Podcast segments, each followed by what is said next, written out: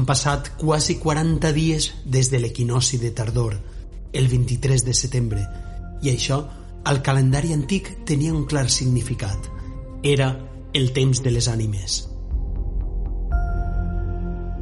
Arreu del món i des de molt, molt antic, passats aquests 40 dies, cal celebrar el memorial dels que ja no estan. Cada poble té els seus noms per anomenar aquest temps. Tenim la nit d'ànimes i Halloween, la nit del 31 d'octubre, el dia de Tots Sants, l'1 de novembre, i el dia 2, el dia dels difunts. El costumari al llarg d'aixòs dies resulta extensíssim, amb tradicions que es perden en la nit del temps, i també hi ha nombroses llegendes i rondalles, totes històries tan fosques com les llargues nits de novembre, històries com la que anem a contar avui. Molts d'eixos relats tenen una lliçó que mostrar. Eixa lliçó és que els difunts mereixen la memòria dels vius i si no complim amb la tradició d'honrar-los i recordar-los, ells tornaran per exigir-ho, es manifestaran aquests dies. I a més, cal estar advertit que no complir les tradicions amb els difunts pot portar greus conseqüències, en vida o en la mort, com li va passar a la protagonista de la llegenda que anem a explicar avui i que es conta a diversos llocs. Avui, a plena llum del dia, terra llegendària s'envolta d'ombres i udols a la nit. És temps de contar històries de por, és temps de conèixer, amb la veu d'Estela Vicens, la sinistra història de la Jerome.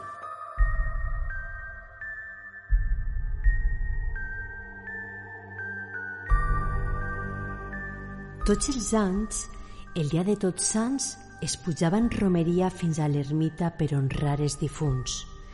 Era costum ben arrelada com a la majoria de les poblacions, però el que va passar aquell any va quedar imprès a la memòria de la gent i amb els anys la història del relat es va anar escampant. Així que pot ser això va passar al teu poble fa molt, molt de temps. Aquell dia de Tots Sants feia fred, encara que era un dia net.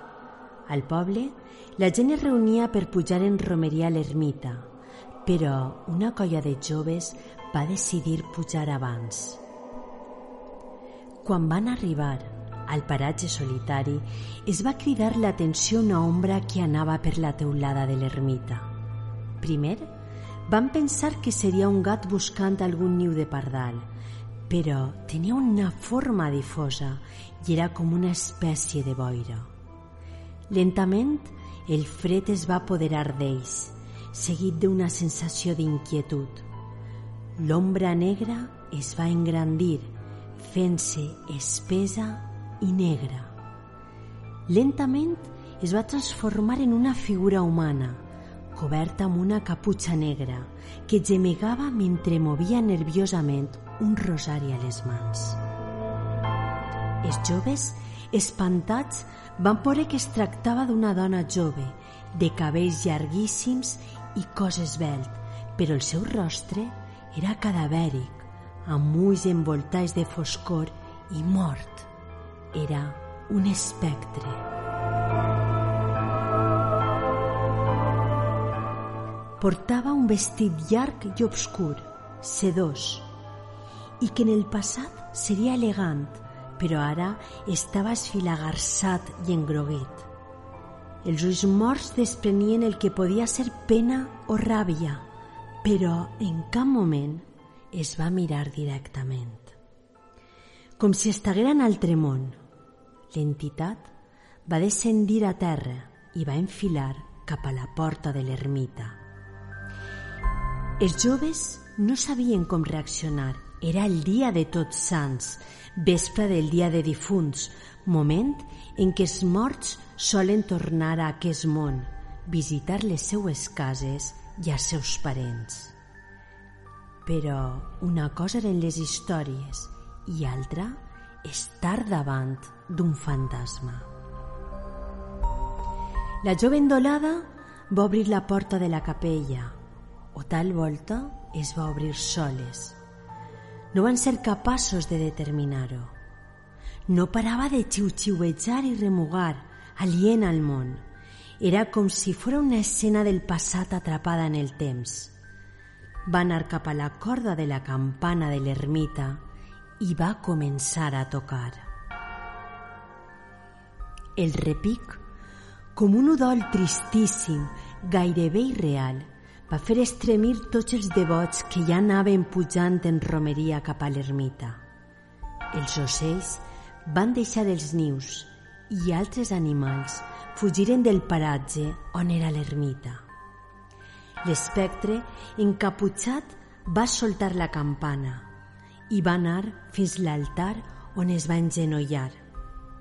Inclinada, semblava resar amb fervor, compungida, amb paraules en llatí que brollaven com massades que gelaven el cos dels joves.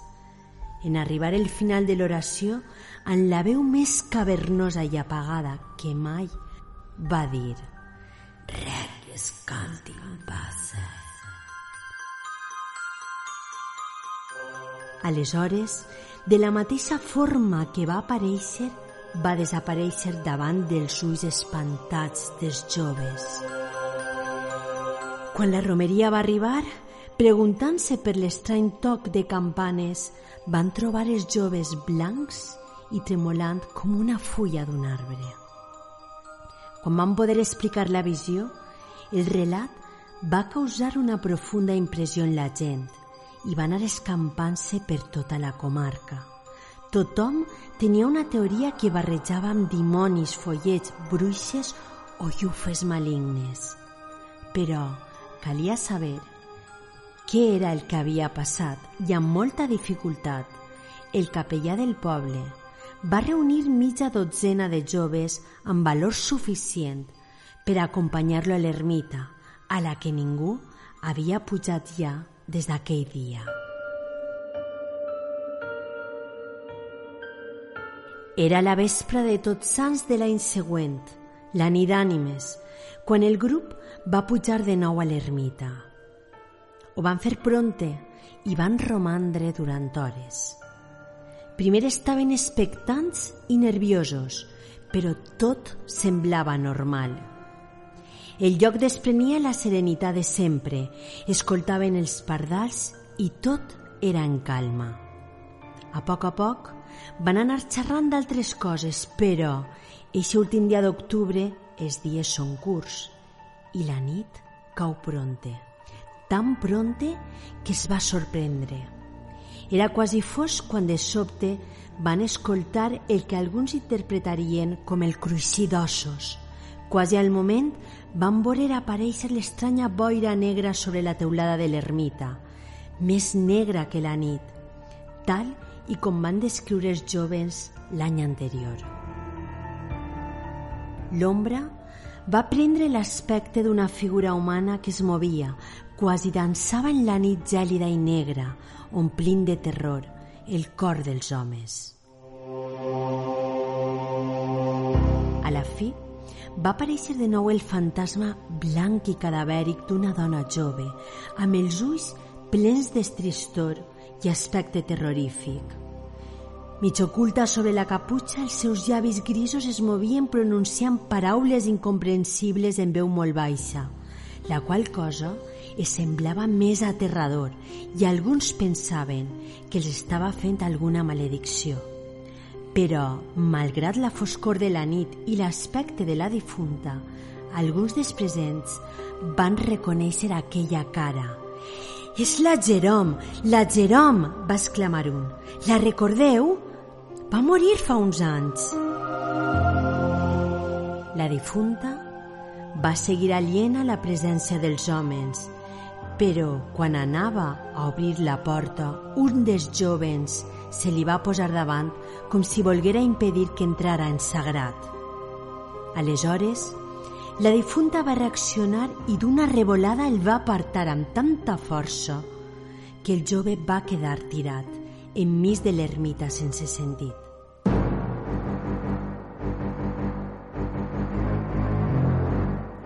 Ella, sense mirar, va anar a la corda de la campana.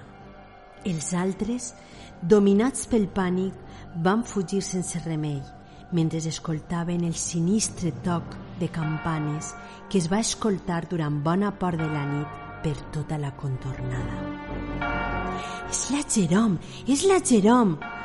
Van explicar a la gent del poble que es va reunir a la plaça per escoltar el testimoni del capellà i els homes. Era el fantasma d'una veïna que havia tornat la nit d'ànimes i ningú va tenir valor de pujar a l'ermita eixa nit.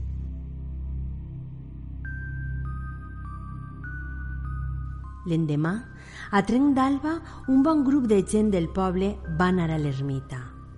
Temien per la vida del jove que havia quedat inconscient amb el fantasma.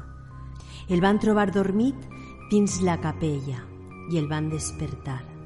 Semblava il·lès, però tenia a la cara la por d'una experiència que mai no oblidaria. Aleshores, va explicar que quan va recuperar el sentit, la Jerome estava inclinada sobre ell, observant-lo com si fora conscient que hi havia un ser viu allí. Els ulls no semblaven tan terribles, més bé alleujats. Havia acabat de tocar i de resar davant l'altar i amb veu cavernosa, com si vinguera de molt lluny, d'altre món, li va dir «Ui, dia de tots sants, acabe la meua promesa de resar a la santa per tots els meus difunts, cosa que no vaig poder fer perquè la mort em va visitar de manera sobtada esta nit d'ànimes he acabat i ja puc descansar. Quede dit per a tu i tots els que esteu vius. Si no compliu en vida, ho fareu en la mort.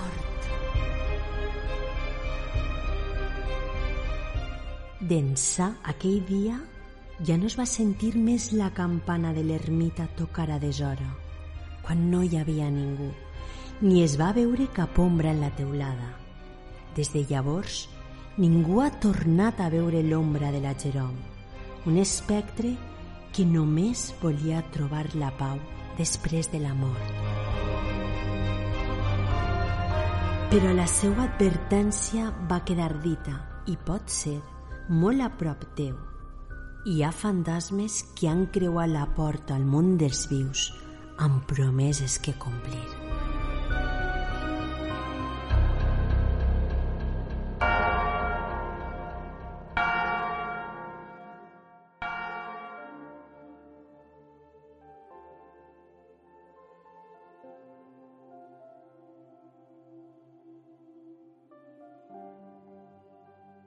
No volem deixar anar aquesta oportunitat per a fer una reflexió molt personal i per tant qüestionable, però que pot ser interessant.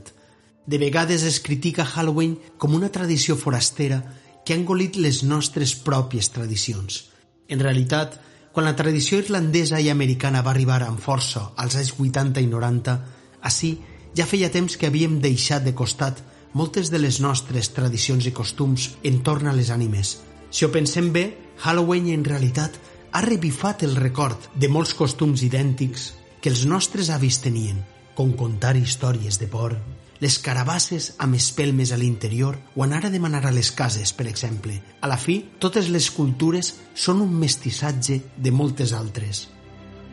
Pense que el que devem fer no és lluitar contra Halloween, perquè agrada molt, sobretot als infants, sinó contaminar-lo amb la nit d'ànimes, així és com sempre s'han combinat les tradicions de les diverses cultures. Afegim els nostres espantacriatures als disfraços dels col·legis. També nosaltres tenim bruixes i homes llops a les rondalles. Fem servir els noms com la nit d'ànimes, que té fins i tot més força comercial que Halloween. Contem les nostres llegendes, com la Jerome i queixalers també, els flars del puntarró. Podem festejar Halloween i barrejar-lo amb el nostre patrimoni, sent creatius i comercials, comercials com sempre ha sigut el poble valencià des de l'edat mitjana. Tenim riquesa cultural suficient, però no cal imposar-la, això és inútil avui dia. millor aprofitem-se de la pegada comercial i visual que hem importat de fora per a recuperar les nostres pròpies tradicions al voltant d'aquestes dades. Els que estimem el costumari sabem que aquest sempre s'ha adaptat a la vida de la gent. Així funciona la gramàtica de la fantasia. Per això, ara és moment de despertar, d'alçar el cap i veure tot el que podem guanyar fent viva la nostra cultura, la llengua i el patrimoni immaterial. És moment, pensem, en aquestes dades de mirar amb més orgull que mai la nostra terra llegendària.